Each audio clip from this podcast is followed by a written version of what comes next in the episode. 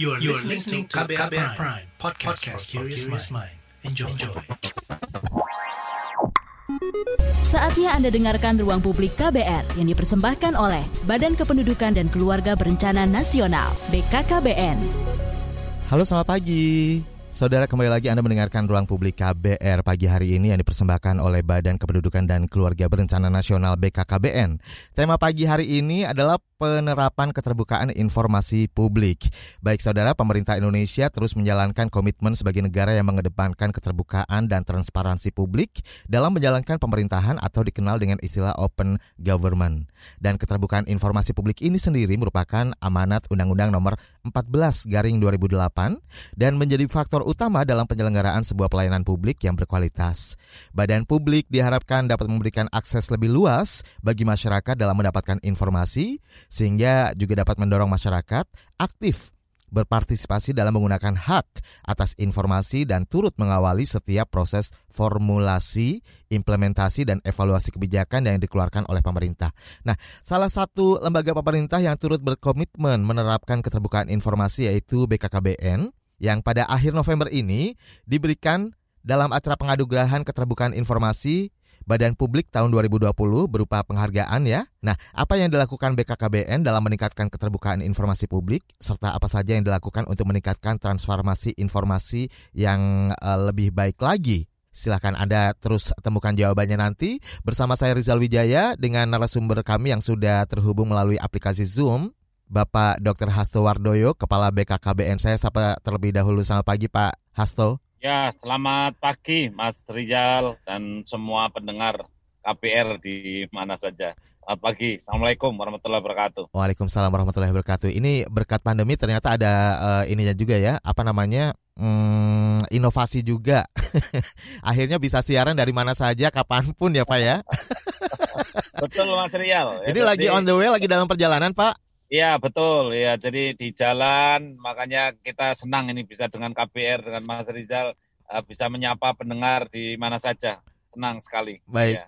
uh, Pak Hasto sebelumnya saya mengucapkan selamat atas penganugerahan Badan Publik Informatif yang diterima oleh BKKBN dari Komiti, eh, Komisi Informasi Pusat atau KIP. Ini tanggal 25 November kemarin ya Pak ya belum lama oh. masih hangat.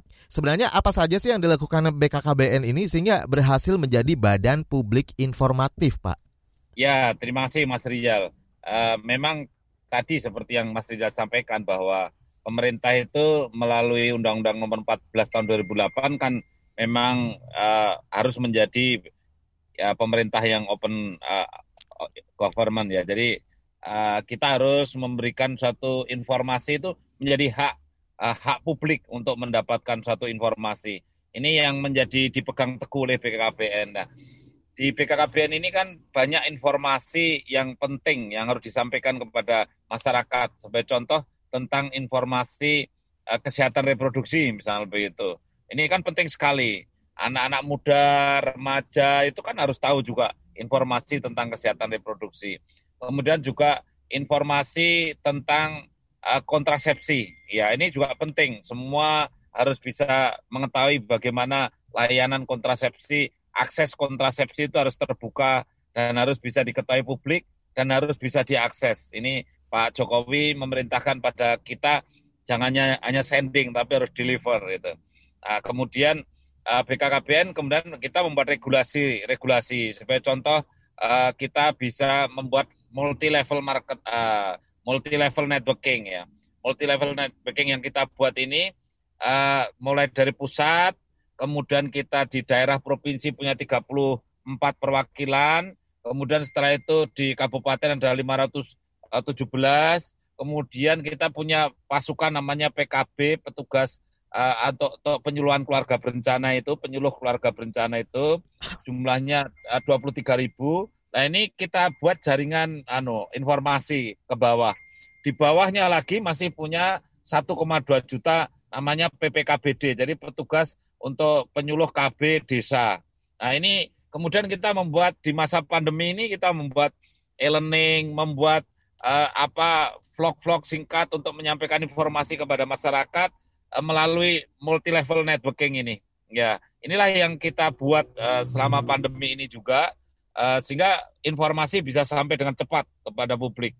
kita juga mengerahkan yang offline. Jadi mobil-mobil kita punya mobil untuk konseling, untuk keliling. Memang itu mobil untuk untuk KIE ya. Jadi woro-woro istilahnya bahasa Jawanya itu ke masyarakat itu. Makanya kemarin juga ada mobil keliling, jangan ambil dulu, jangan ambil dulu sampai begitu ya. Jadi kemudian kita juga menjelaskan kenapa misalkan tidak boleh hamil dulu, siapa yang boleh hamil, siapa yang tidak boleh hamil di tengah pandemi ini.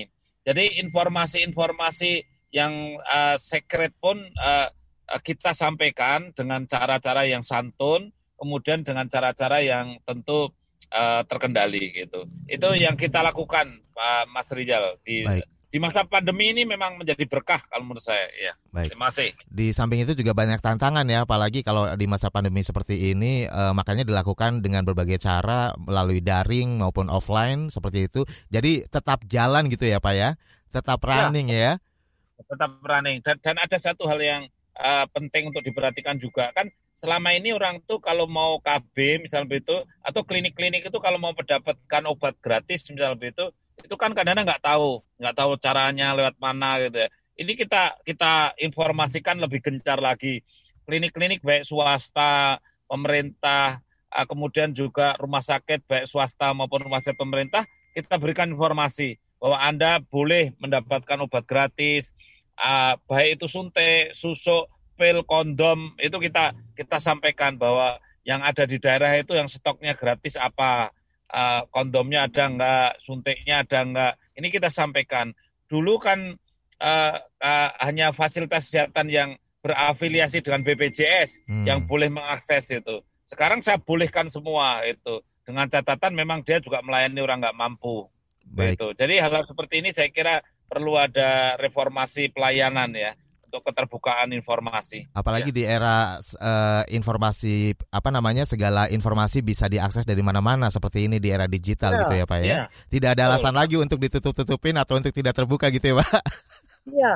Jadi kan kan uh, meskipun tantangan tadi Mas Rizal kan bilang hmm. ada tantangan itu betul karena di BKKBN itu harusnya mengemban informasi publik terkait dengan masalah seperti misalkan uh, apa uh, kesehatan reproduksi ya. Hmm. Jadi uh, reproductive health uh, adolescent, adolescent reproductive health. Kemudian di BKKBN juga mengemban amanah untuk bagaimana me melakukan KIE tentang masalah uh, sexual education, jadi comprehensive sexual education itu. Nah ini ini tantangan karena apa? Kalau kita bicara comprehensive sexual education tentang masalah seks itu, masyarakat kan menangkapnya tentang uh, sexual intercourse, tentang hubungan seks lah itu. Hmm. Padahal masalah sexual education itu masalah male female, laki-laki perempuan, bagaimana menjaga kesehatan fungsi reproduksi dan anatominya organ reproduksi laki-laki, fungsi reproduksi dan bagaimana menjaga uh, untuk organ perempuan. Tapi kan ketika kita mau menyampaikan tentang masalah uh, comprehensive sexual education kan tantangannya sudah wah ini benar. Ini pasti akan memberikan pelajaran tentang seks ini nggak bisa ini. Gitu. dianggap tabu dan sebagainya. Dianggap tabu. Sehingga akhirnya banyak tersesat. Banyak remaja-remaja yang akhirnya malah terjadi kecelakaan unwanted pregnancy dan seterusnya yang akhirnya juga menjadi banyak masalah. Akhirnya ada mengukurkan ilegal dan seterusnya. Eh, kematian ibu, kematian bayi akhirnya tinggi. Inilah tantangan yang tadi Mas Rizal uh, sampaikan di depan itu.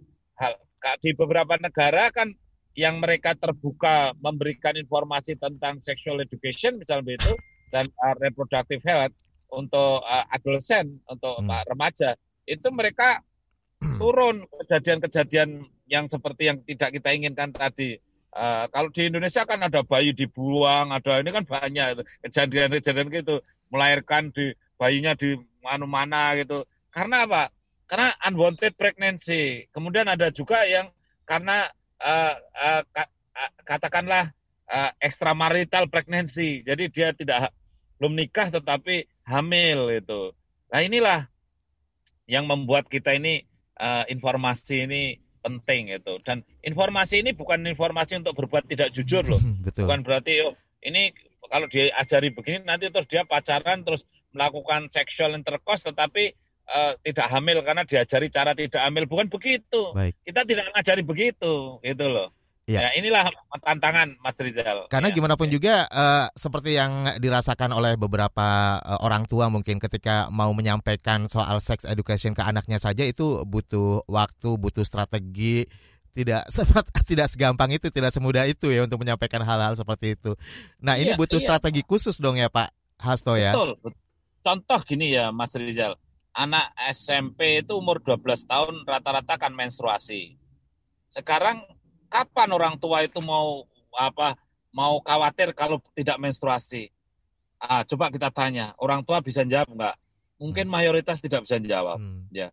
Padahal kalau kita ajari, oh kalau anaknya umur 12 setengah tahun belum menstruasi, ceklah bulu ketiaknya, ceklah uh, payudaranya, apakah ada tanda tumbuh atau tidak oleh orang tuanya sendiri, oleh ibunya katakanlah gitu. Kalau belum menstruasi tapi bulu ketiaknya sudah mulai muncul, payudaranya sudah mulai besar, berarti tidak apa-apa. Ditunggu sampai 14 tahun. Kalau 14 tahun tetap tidak menstruasi, kalau payudaranya membesar, bulunya masih bulu ketiaknya tambah panjang, bulu kemaluannya juga tambah panjang, berarti nggak apa-apa juga. Tetapi kalau 16 tahun tetap tidak menstruasi, harus segera ke dokter. Okay. Atau 14 tahun tapi tidak ada tanda-tanda payudara membesar, tidak ada tanda-tanda bulu ketiaknya tumbuh, harus ke dokter. Ini kan ilmu sederhana, ibu-ibu remaja boleh tahu supaya remaja itu besok kalau jadi jadi ibu juga akhirnya tahu terhadap anaknya gitu loh. Jadi nah, pembekalannya contoh. dilakukan oleh eh, dari yang pertama ya orang tua dulu gitu ya. Betul sekali orang tuanya dulu dan dan dia sekarang kalau toh jadi remaja kalau dia tahu juga tidak apa-apa. Hmm. Karena apa? Besok kalau jadi orang tua terus sudah siap. Buat bekal. Nah, nah berbekal gitu. Lah ini kayak kayak itu kan anu masalah. Contoh juga uh, kalau remaja umur 15 tahun udah pacaran, harusnya diterangkan mulut rahimnya anak umur 15 tahun Bang yang perempuan ini masih menghadap keluar. Hmm. Namanya ekstropion.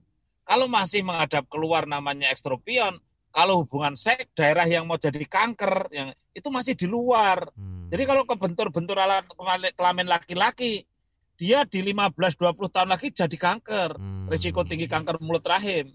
Okay. Makanya di Indonesia kanker mulut rahim nomor dua, juara dua setelah kanker payudara. Di negara-negara maju diketawain loh, kenapa kok hmm. bisa kanker mulut rahim juara dua? Banyak sekali orang kanker mulut rahim di Indonesia. Padahal itu sangat bisa dicegah. Artinya masyarakat memang uh, tingkat kesadarannya masih sangat rendah di Indonesia atau ya. pemahamannya seperti apa? Ini menjadi tugas tantangan tersendiri juga buat BKKBN pastinya ya Pak ya? Betul, betul. Jadi pertama betul kata Mas Rizal, pemahamannya rendah. Nah karena pemahamannya rendah, orang kalau nggak paham, nggak ngerti kan mindsetnya nggak terbentuk ya. hmm. ya. Kalau mindsetnya nggak terbentuk, perilakunya juga nggak terbentuk. Uh, tidak mengerti, terus akhirnya mindsetnya ya bilang nggak apa-apa. Okay. kan hubungan saya umur 15 tahun nggak apa-apa. Karena mindsetnya akhirnya begitu mindsetnya. Oh, laki-laki yang nggak ngerti umurnya laki-laki 30 tahun mau ngawini anak umur 15 tahun ya dia bilang nggak apa-apa. Karena dia mindsetnya mindset nggak apa-apa gitu karena hmm. pengetahuannya rendah. Perilakunya juga akhirnya ya kawin beneran okay. gitu dan gitu. dan akhirnya uh, apa risiko-risiko bisa terjadi ya ke depannya ya. Baik, uh, Pak Pak Hasto kembali lagi ke soal penghargaan nanti boleh dijelaskan juga nih. Ini kan bukan eh, kali pertama ya BKKBN mendapatkan penghargaan ini ya, Pak ya? Ya, ya. Kalau nggak salah ya. kalau nggak ya. salah ini penghargaan yang keenam ya, Pak ya?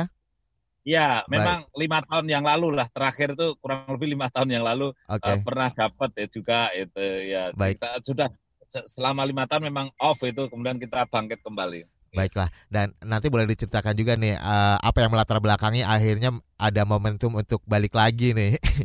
Yeah. Jangan ke mana-mana, tetap di ruang publik KBR yang dipersembahkan oleh BKKBN dan bersama saya Rizal Wijaya. Masih Anda dengarkan Ruang Publik KBR yang dipersembahkan oleh Badan Kependudukan dan Keluarga Berencana Nasional (BKKBN). Ya, Anda masih bergabung di ruang publik KBR yang dipersembahkan oleh Badan Kependudukan dan Keluarga Berencana Nasional BKKBN. Dengan tema penerapan keterbukaan informasi publik bersama saya Rizal Wijaya dan narasumber kami yaitu Bapak Dr. Hasto Wardoyo, Kepala BKKBN yang menyempatkan waktunya ya pagi hari ini untuk bincang-bincang membahas mengenai uh, penerapan keterbukaan informasi publik. Dan uh, tadi sudah uh, sedikit banyak dijelaskan di awal mengenai uh, apa namanya mengapa apa saja yang sudah dilakukan oleh BKKBN sehingga mendapatkan penghargaan uh, dari badan badan eh, Komisi Informasi Publik yaitu penganugerahan Badan Publik Informatif gitu yang benar ya. Baik, boleh uh, diceritakan atau dijelaskan Pak uh, Hasto, ini kan bukan yang pertama kali jadi mendapatkan penghargaan ini sudah yang keenam bagi BKKBN. Momentum apa nih sehingga bisa kembali lagi menggebrak dan akhirnya mendapat penghargaan ini? Ya, baik Mas Rijal uh, dan pen, semua pendengar. Jadi kita ini memang dituntut untuk keterbukaan. Oleh karena itu LHKPN pun jadi laporan uh, kekayaan pejabat itu kan harus dipublish ya. Sehingga di BKKBN pun selain memberikan informasi publik yang sifatnya memang menjadi haknya publik, hmm eh, itu juga memberikan informasi yang dari internal di dalam penyelenggaraan transparansi eh, penyelang, apa keuangan apa ini kita eh, terbuka sehingga kekayaan pejabatnya pun diekspos. Ini menjadi bagian yang penting. Jadi laporan LHKPN kita eh, pejabat-pejabat eselon uh, 1, eselon 2, eselon 3 sampai eselon 4 ini kita uh, kita ekspos. Kemudian yang kedua juga kita memang melakukan survei, survei kepuasan layanan. Sehingga kalau biasanya orang itu yang survei itu uh, pemerintah daerah itu kan sering survei kalau mau pilkada misalnya gitu ya. Hmm. Itu survei nanti layanan kepuasannya berapa itu dipakai sebagai dasar mau maju lagi atau tidak misalnya gitu. Nah, ini kita juga di PKPN juga kita uh, bangkit bergerak untuk kemudian juga kita ya tidak hanya daerah saja lah layanan kita juga harus kita survei. Nah itu hmm. hal-hal seperti itu kan menjadi bagian dari niat baik kita untuk bisa bangkit, kemudian menjadi lembaga yang istilahnya juga memberikan suatu keterbukaan. Hmm. Ya. Uh, saya kira itu dan momentum pandemi memang menjadi pemicu juga, oh, gitu sehingga ya? akhirnya iya sangat sangat membaji pemicu sehingga akhirnya uh, mempublish secara virtual ini menjadi bagian yang uh, mewarnai di dalam era pandemi ini. Nah, itulah hal-hal seperti itulah yang kemudian akhirnya uh, menjadikan nilai BKKBN ya alhamdulillah uh, cukup baik itu ya. Kita bersyukurlah ya. Gitu. Baik. Dan berikutnya tadi disebutkan uh, mengenai mobil-mobil yang untuk konseling itu ini ada pertanyaan dari uh, Ibu Laila di Depok nih, langsung direspon nih, ya. Pak. Mobil-mobil untuk konseling itu apakah sudah tersedia di seluruh Indonesia? Kemudian dari Vicky di Jogja, keren banget mengedukasi milenial lewat sosial media sepertinya uh, sangat tepat karena milenial lebih banyak melihat dan mendengar apa yang ada di sosial media. Semoga BKKBN tidak pernah lelah memberikan sex education kepada masyarakat. Nah, ini nih. Silakan Bapak dari ya. Laila di Depok dan juga Vicky di Jogja. Ya, uh, untuk Laila, terima kasih ya. Jadi di seluruh Indonesia sudah tersedia, di kabupaten-kabupaten tersedia mobil untuk layanan publik untuk KIE. Jadi kita bisa keliling, bisa woro-woro dengan uh, sound system itu yang ada yang konvensional memang. Uh, kenapa masih punya itu? Uh, karena ada daerah-daerah uh, yang masih uh, apa ya, masih uh, uh, blank spot ya. Jadi belum bisa terakses oleh Uh, sinyal dengan baik itu. Sehingga di daerah-daerah luar Jawa kita masih membutuhkan untuk kemudian mobil KIE yang keliling itu masih membutuhkan dan itu ada mobil itu. Memang beberapa mobil itu yang di kota yang sudah uh, secara apa online sudah banyak uh, bisa diakses itu memang mobil jadi relatif uh, kurang ada manfaatnya tetapi di daerah-daerah yang yang pelosok masih sangat bermanfaat. Itu uh, tentang mobil untuk keliling untuk uh, KIE itu. Kemudian uh, ini jadi ingat zaman dulu ya Pak ya kalau ada uh, apa namanya film gitu woro-woro. Ya, dulu kan ada layar tancap gitu ya. Ada, ada mesbar itu kalau grimes bubar itu ya. Jadi uh, tapi sekarang memang sudah tidak zamannya itu orang sudah sudah tidak akses itu lagi. Nah, yang kedua dari siapa tadi dari Jogja dari Vicky. Dari Mas Vicky. Iya Mas Vicky, eh, kita memang akan terus eh, berjuang untuk memberikan informasi yang terkait dengan sexual education melalui media-media. Dan BKKBN termasuk merubah logonya, logonya ada gambar love, cinta, dan kemudian itulah karena BKBN ingin dekat dengan remaja. Hmm. Jadi BKBN ingin menjadi sahabat remaja karena remaja ini menjadi calon-calon eh, apa ya rumah tangga, pasangan usia subur, rumah tangga baru yang akan sangat menentukan profil dari kependudukan dan keluarga di Indonesia itu. Ini ini pentingnya remaja itu. Oleh karena itu kita harus menjadi sahabat remaja. Eh, kita tahu remaja itu kalau diberitahu orang-orang tua seperti hmm. saya, BKKBN memberitahu itu mungkin nggak begitu tertarik. Tapi kalau yang memberitahu itu teman sebayanya ya, kalau Mas Rizal sih masih ano milenial ya mungkin kolonial saya. Jadi itu mungkin masih percaya itu. Tapi kalau yang ngomong sudah saya itu kemudian sudah tua kemudian tentang orang tua itu kan uh, tidak terhubung. Makanya kemudian kita ada genre ada teman apa uh, Pick Air itu uh, remaja-remaja semua. Dan kita uh, mohon dukungannya tadi Mas Rizky. Oke. Okay. Terima kasih. Nah, kembali lagi ke uh, remaja ini. Cara penyampaiannya pun beda kan ke remaja untuk hal-hal uh, yang uh, dianggap tabu lah dan sebagainya. Nah, ini apa yang sudah dilakukan nih oleh BKKBN untuk uh, para remaja Indonesia ini, Pak? Ya, memang lewat genre ini kita membentuk generasi berencana ya, genre. Kemudian generasi berencana itu kan ada audisinya ya. Jadi ada duta genre Nah, mereka yang uh, kita uh, apa kompetisikan menjadi duta genre ini kan dilengkapi dengan pengetahuan dan informasi terkait dengan uh, paling tidak tiga hal. Jangan nikah dini. Jadi masalah masalah yang terkait apa baik uh, dampaknya terhadap nikah dini. Kemudian yang kedua jangan hubungan seks di luar nikah. Nah, ini kemudian yang ketiga jangan narkotika, nafsa artinya ya narkotika ya adiktif dan uh, obat-obat sedatif, obat-obat yang membuat uh, kecanduan itu. Tiga hal ini maka menjadi kita kampanyekan melalui generasi berencana yang kita kompetisikan terus-menerus dari tahun ke tahun sehingga masing-masing provinsi punya duta genre, duta genre, duta genre uh, menjadi duta genre nasional juga uh, pemenangnya juga kemarin baru saja kita selenggarakan dua hari yang lalu. Hmm. Ini salah satu cara yang kemudian anak-anak muda itu merasa uh, keren kalau seandainya dia menjadi pemenang duta genre gitu. Itu tugasnya duta ngapain aja Pak eh, duta genre ini? Memang duta genre uh, dia menjadi konselor, jadi menjadi oh, teman okay. sebaya, konselor sebaya. Jadi uh, ada uh, pusat informasi remaja di sekolah-sekolah, di kampus-kampus itu yang menjadi konselornya adalah duta-duta genre kita. Dan memang duta genre kita mindsetnya terbentuk dengan baik. Umumnya dia bisa tampil dengan baik, punya cara uh, komunikasi yang baik, kemudian uh, mindsetnya mindset yang baik. Umumnya duta genre itu jarang anak-anak genre itu yang uh, seenaknya sendiri, hmm. apa kemudian uh, istilahnya uh, apa integritasnya kurang sopan apa itu jarang itu yang yang mereka terbentuk itu. Nah, seperti inilah yang mereka bisa menjadi teman sebaya, ya hmm. menjadi teman sebaya remaja-remaja itu. Kemudian kita juga baru sekitar lima bulan membuat web siap nikah itu. Jadi eh, remaja-remaja yang mau nikah ini kan kalau mau diskusi curhat itu tentang uh, persiapan pernikahan untuk kesehatan untuk uh, generasi yang unggul itu uh, lewat web siap nikah itu. It, saya sangat mengkritisi berulang kali itu orang melakukan prewedding mahal hmm, 20 juta 30 juta dibayar foto sana foto sini itu. Tapi prekonsepsi ya.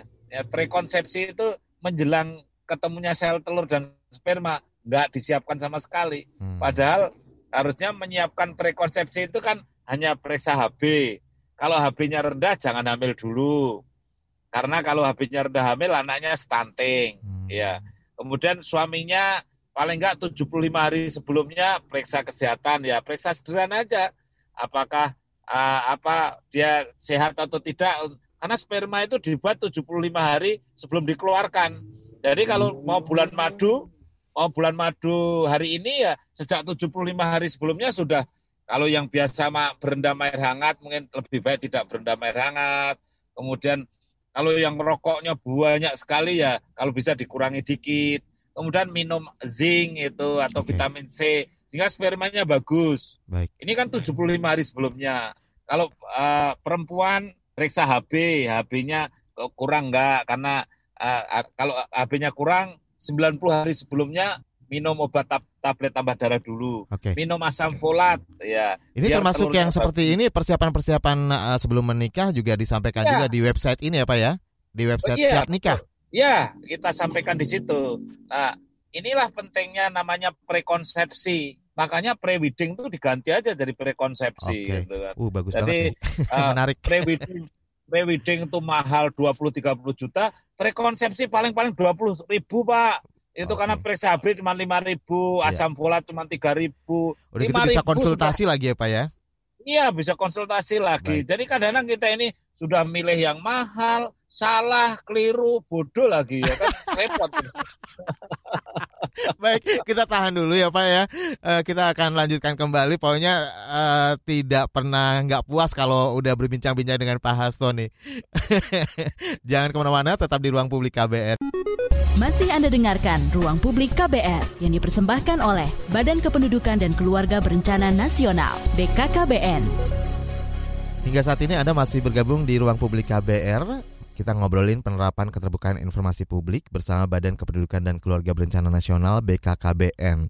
Baik dan kita juga masih terhubung dengan narasumber kami Dr. Hasto Wardoyo Kepala BKKBN dan bersama saya Rizal Wijaya hingga pukul 10 nanti ya. Baik Gina di Solo. Bagaimana respon masyarakat eh, soal website Siap Nikah ini Pak? Sudah berapa banyak yang sudah akses kemudian apa saja yang dikonsultasikan yang ditanyakan? Dari Gina. Gina mungkin ini udah siap-siap nikah juga nih kayaknya bentar lagi. Silakan Pak. Ya baik. Uh, kita bersyukur karena web siap nikah ini cukup uh, direspon cukup baik ya. Jadi uh, uh, rata-rata hariannya itu ribuan yang mengakses ya. Hmm. Suatu saat peaknya bisa sampai 6.000 sehari yang. Nah ini uh, mereka memang banyak tertarik tentang masalah uh, kesehatan reproduksi, masalah seksualitas, seperti katakanlah mencegah bagaimana supaya anaknya tidak cacat misalkan begitu. Itu sudah bagus pertanyaan. Pertanyaan begitu tuh bagus. Uh, juga ada pertanyaan-pertanyaan yang masalah seksualitas itu juga pertanyaan-pertanyaan yang istilahnya klasik uh, dan uh, common question ya. Seperti hmm. katakanlah uh, kalau sperma itu kemudian apakah betul itu di kolam renang bisa hamil dan sebagainya hmm. kayak, kayak gitu masih muncul juga ya. Pertanyaan-pertanyaan seperti itu. Tapi juga pertanyaan-pertanyaan tentang kehamilan juga tidak sedikit ya. Hmm. Seperti uh, bagaimana mengatasi kehamilan muda pada saat pandemi Covid, kemudian bagaimana kalau uh, mencegah kehamilan, uh, kemudian juga pertanyaan-pertanyaan tentang penggunaan alat kontrasepsi. Itu pertanyaan-pertanyaan yang masuk menurut saya cukup bagus-bagus. Iya, terima kasih. Baik, baik. Dan eh, apa saja sih langkah yang terus dilakukan BKKBN untuk menjaga konsistensi dalam memberikan eh, keterbukaan informasi publik yang semakin berkualitas apalagi di era digital seperti ini? Ya, memang kita gini ya, uh, apa uh, remaja itu kan komunitas-komunitasnya ada di kampus misal begitu. Sehingga BKKBN itu harus maintenance ini juga di samping kita secara online melalui web itu kami juga MOU dengan kampus-kampus. Ini penting itu. Oh, BKKBN ya, Ghost kampus gitu ya? Ya, ke kampus. Jadi ketika saya ke provinsi-provinsi itu, saya sempatkan itu uh, mampir di perguruan tinggi mana, kemudian kita dialog dengan mahasiswa itu. Meskipun di pandemi ini dengan protokol COVID ya kita tetap bisa lakukan. Jadi kita kalau kemarin misalnya dengan Aceh, kemudian kemarinnya juga kita sempat dengan ya, di Palembang, kemudian ini kita sempat itu webinar untuk, gitu pak? Iya, webinar kita kerjakan rutin uh, dan juga offline. Offline oh, kita okay. kerjakan rutin. Kita kemarin saya ke Indramayu uh, dengan Universitas di Indramayu kita ketemu ya uh, sekitar 50 mahasiswa di ruangan terbuka itu kemudian kita dialog itu. Mereka cukup antusias dan dan mereka banyak yang tidak tahu. Hmm. Uh, banyak sekali ya yang yang tadi contoh-contoh masalah kesehatan reproduksi yang alasan kenapa tidak boleh kawin muda itu dia juga tidak tahu. Okay. Uh, kalau kita terangkan bagaimana panggulnya perempuan yang kalau umurnya 15 tahun ukurannya berapa, kalau hmm. umur 20 tahun ukurannya berapa itu dia baru tahu oh ternyata kawin usia muda itu memang belum boleh karena ukuran panggulnya aja uh, belum 10 cm hmm. misalkan begitu. Hal-hal seperti itu mereka nggak nger nggak ngerti lah setelah kita kasih tahu oh baru ngerti gitu. oh oh oh nah, gitu ya ya ya ya oh oh, oh.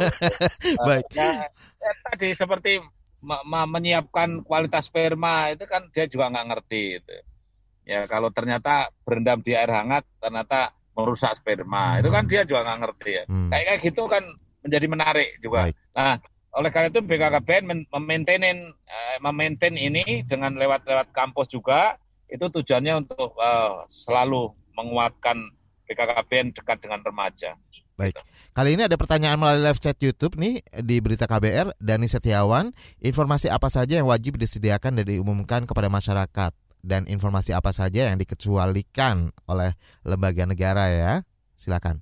Ya baik. Memang salah satu yang tadi sudah saya sampaikan di depan seperti pengelolaan keuangan itu penting ya. Tadi uang yang pribadi pun LHKPN itu harus disampaikan sekarang. Uang pribadi aja di dipublish itu. Apalagi tentang keuangan lembaga. Artinya eh, lembaga ini punya uang berapa, jatahnya untuk pelayanan kontrasepsi berapa, di mana. Hmm. Itu harus kita ekspos supaya jangan ada yang ditutup-tutupi itu. Itu penting hari gini. Perencanaan itu juga harus diekspos itu. Memang ada hal-hal yang sifatnya secret ya karena itu karena individu. Misalnya individu klien. Misalnya ada pasien ini si A ini pakai apa kontrasepsinya, si B pakai apa kontrasepsinya.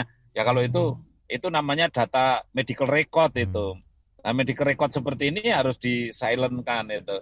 Jangan kemudian BKKBN uh, eh, tahu oh yang ini adalah uh, anaknya stunting, kemudian yang ini anaknya kena HIV, ini anaknya kena TBC gitu. Nah itu kalau data seperti itu diekspos itu juga nggak boleh tentunya karena itu bagian dari medical record yang rahasia pasien itu ya, harus kita lindungi ya saya kira hal, hal seperti itu mana yang harus dipublish mana yang harus dilindungi. Baik, weekend di Bekasi, Pak Hasto, target program KB apakah pembatasan kelahiran sehingga angka kelahiran rendah atau pada peningkatan kualitas keluarga sekalipun punya lebih dari dua anak? Ya, sebetulnya kita ini kualitas itu menjadi nomor satu kualitas menjadi nomor satu. Hanya yang tidak boleh dibantah bahwa bukti di seluruh dunia angka kematian ibu dan bayi meningkat setelah anak ketiga ke atas. Hmm. Gitu. Jadi kenapa? Karena rahim itu kalau sudah untuk hamil tiga kali relatif kendor. Sehingga kalau melahirkan yang keempat, kelima, dan seterusnya, begitu bayinya keluar, rahimnya nggak bisa kontraksi, banjir darah di situ. Ya. Kalau dia lahirnya di atas dokter di bidan itu bisa selamat. Tapi kalau kebetulan tidak pas ada bidan ada dokter bisa lewat karena perdarahan itu cepat. Itulah sebabnya kelahiran anak ke satu, anak kedua lebih aman daripada kelahiran anak ketiga, keempat. Maka BKKBN itu pada prinsipnya menurunkan angka kematian ibu, menurunkan angka kematian bayi dengan 3 4 T ya. Hmm. Jangan terlalu muda, jangan terlalu tua. Hamilnya jangan kurang dari 20 tahun, jangan lebih dari 35 tahun. Jadi jangan terlalu terlalu muda enggak boleh, terlalu tua enggak boleh, terlalu banyak enggak boleh, terlalu sering enggak boleh. Hmm. Jadi empat terlalu. Ingat, jangan empat terlalu jangan keterlaluan empat ini ya terlalu jangan terlalu gitu. jadi kualitas tetap menjadi uh, nomor satu ya pak ya? Betul betul pak. Ini semua untuk kualitas. Dan stunting itu sangat erat hubungannya dengan spacing. Itu terbukti nyata bahwa orang-orang yang anaknya itu deket-deket jaraknya kurang dari tiga tahun banyak yang stunting gitu. Nah, kasihan loh anak stunting itu. Jadi uh, nasibnya sangat beda sekali karena otaknya pun terbatas. Gitu. Oke, ini dari Evi di Depok. Orang tua saya punya anak 13 tapi tetap sehat-sehat saja tuh dok. apakah memang gaya hidup dan pola makan sekarang yang dikonsumsi oleh masyarakat modern yang bisa membedakan atau mendatangkan risiko-risiko berbahaya? Silakan dok. Ya, memang orang selalu mengatakan begitu ya. Uh, Dulu kan uh, banyak anak banyak rezeki gitu ya. ya uh, orang tua saya anaknya banyak juga sehat. Hmm. Orang nenek saya anaknya banyak. Selalu mengatakan karena mereka melihatnya individu, tidak melihat populasi. Jadi orang kita itu dulu-dulu rata-rata kematiannya tinggi. Setiap 100 ribu orang melahirkan, yang mati bisa seribu. Dulu-dulu begitu. Ya. Lah, Mas uh, Rizal bisa bayangkan ya, kalau orang 100 ribu melahirkan, misal yang mati seribu dulu-dulu itu, berarti yang 100, uh, yang 99 ribu, ya, itu selamat. Itu. Hmm yang mati seribu hmm. gitu. Nah, yang diceritakan Mbak ya yang ditanyakan tadi itu yang 99 ribu gitu loh. Yang seribu yang mati itu dia tidak lihat gitu loh Mas ya. Nah, iya, iya, iya, iya, sekarang ini sekarang ini yang mati cuma 300. Hmm.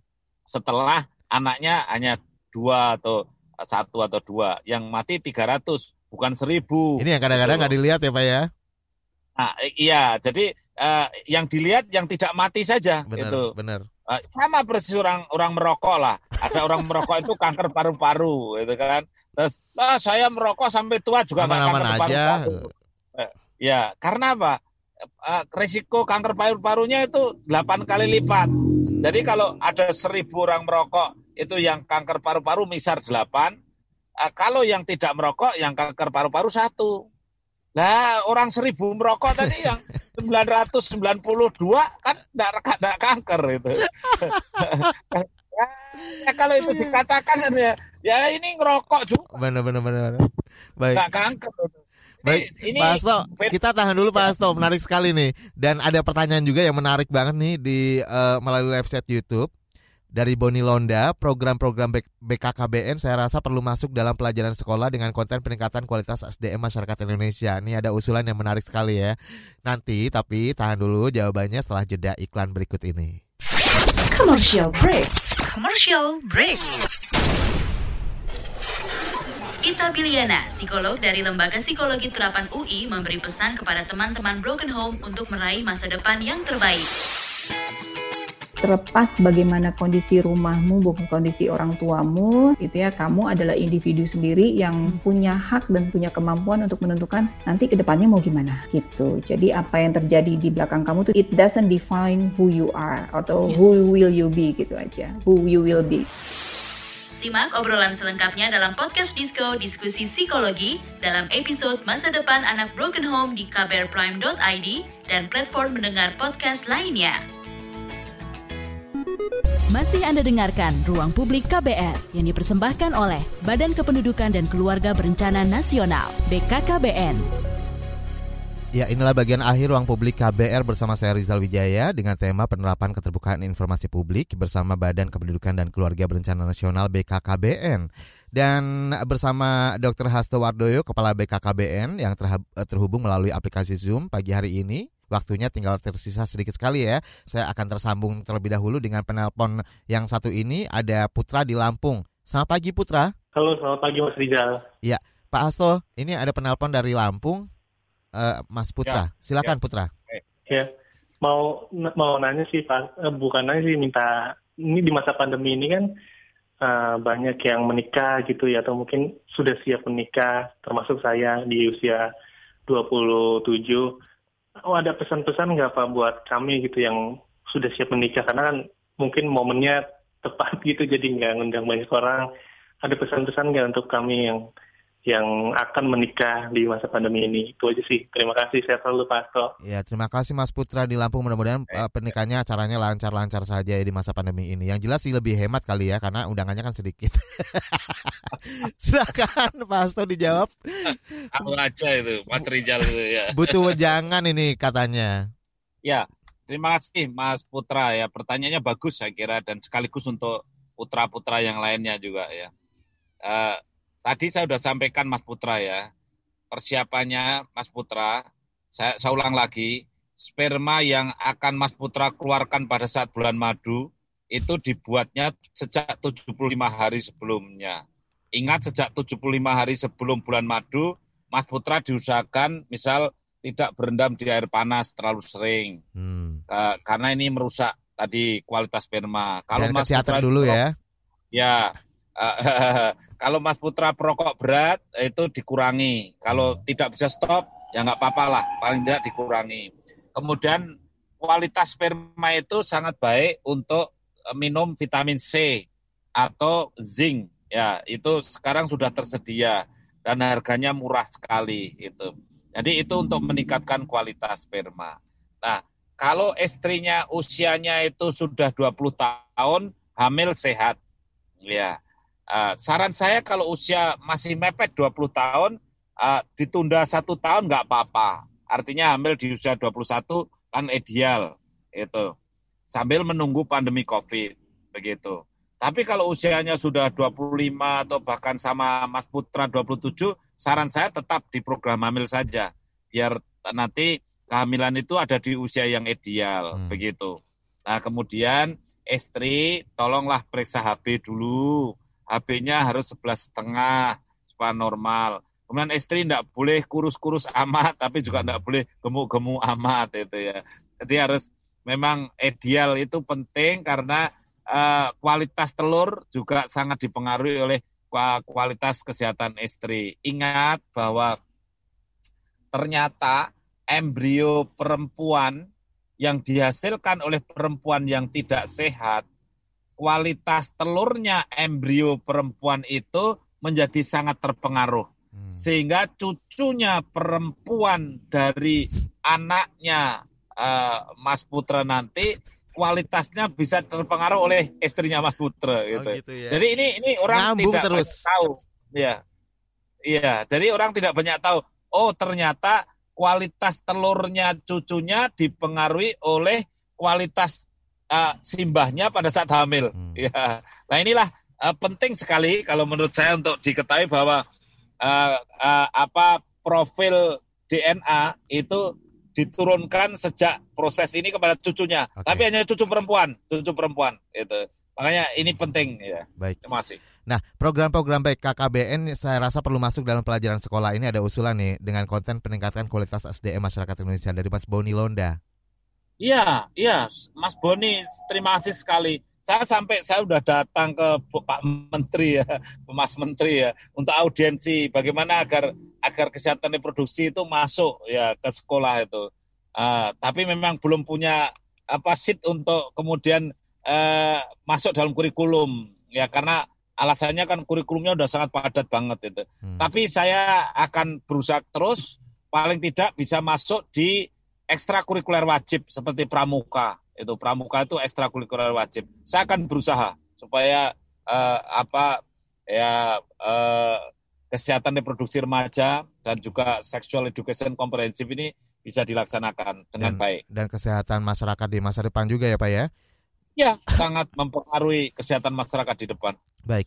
Termasuk tadi kanker mulut rahim, ya. kanker payudara, stunting. semua akan turun. Ya stunting, semua akan turun kalau kita paham. Baik, kali ini ada Ardi Rosadi. Angka kehamilan di masa pandemi ini kabarnya meningkat 10% dok. Apakah karena banyak keluarga yang justru kumpul saat WFH? Ya, saya kira ada pengaruhnya. eh, artinya orang kalau ketemunya itu itu saja ya mau tidak mau hamil ya akhirnya ya. uh, uh, karena apa WFH gitu ya, stay at home itu ya. Uh, tapi juga sebabnya kan juga tidak hanya itu, tapi sebabnya mereka yang biasanya rutin suntik ke klinik itu eh, kadang-kadang ragu-ragu karena takut ketemu pasien di klinik, takut ketularan COVID, hmm. terus tidak berangkat ke, ke klinik. Bidan-bidan itu kan banyak sekali yang memberikan layanan KB. Tapi bidan-bidan usia 55 tahun ke atas ini takut kalau praktek seperti dulu. Hmm. Jadi banyak bidan-bidan yang mengurangi mengurangi prakteknya itu. Karena faktor risiko uh, ya. Faktor risiko. Jadi dia juga ada yang anaknya itu melarang, ibunya bidan. Tapi umurnya udah 55 tahun, pasiennya banyak itu. Anaknya begitu ada pandemi, anaknya Bu jangan praktek lagi, anu jangan praktek lagi itu. Ibu ya sayangi kesehatan itu. Hmm. Nah, padahal dia itu biasanya, waduh, menolong orang banyak itu uh, bidan-bidan itu.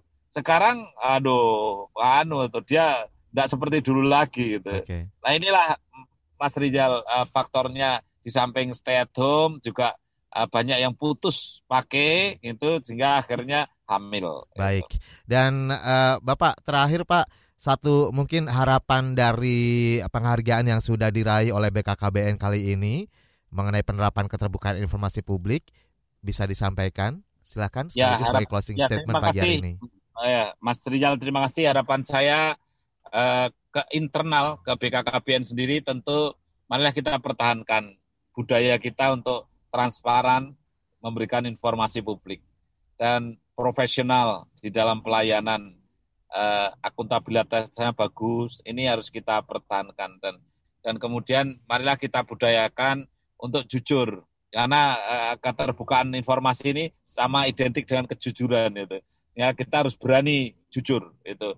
Menyampaikan anggaran eh, menyampaikan kondisi keuangan menyampaikan eh, alat kontrasepsi dan saya juga mohon dukungan yang kedua kepada publik Eh, kami mohon izin kepada publik tentu kami menyampaikan informasi lebih terbuka tentang masalah tadi yang terkait dengan agak secret sedikit ya Baik. kesehatan reproduksi sexual education Baik. terima kasih Terima kasih Iya, sekali Mas Pak. Hasto atas waktunya, kesediaannya Iya. pagi hari ini di ruang publik KBR dan benar-benar sangat bermanfaat sekali bagi kita. Dan saya Rizal Wijaya harus segera pamit. Terima kasih juga untuk Anda yang sudah mendengarkan melalui 100 radio jaringan KBR dari Aceh hingga Papua. Terima kasih, salam. Baru saja Anda dengarkan Ruang Publik KBR yang dipersembahkan oleh Badan Kependudukan dan Keluarga Berencana Nasional BKKBN. KBR Prime, cara asik mendengar berita. KBR Prime, podcast for curious mind.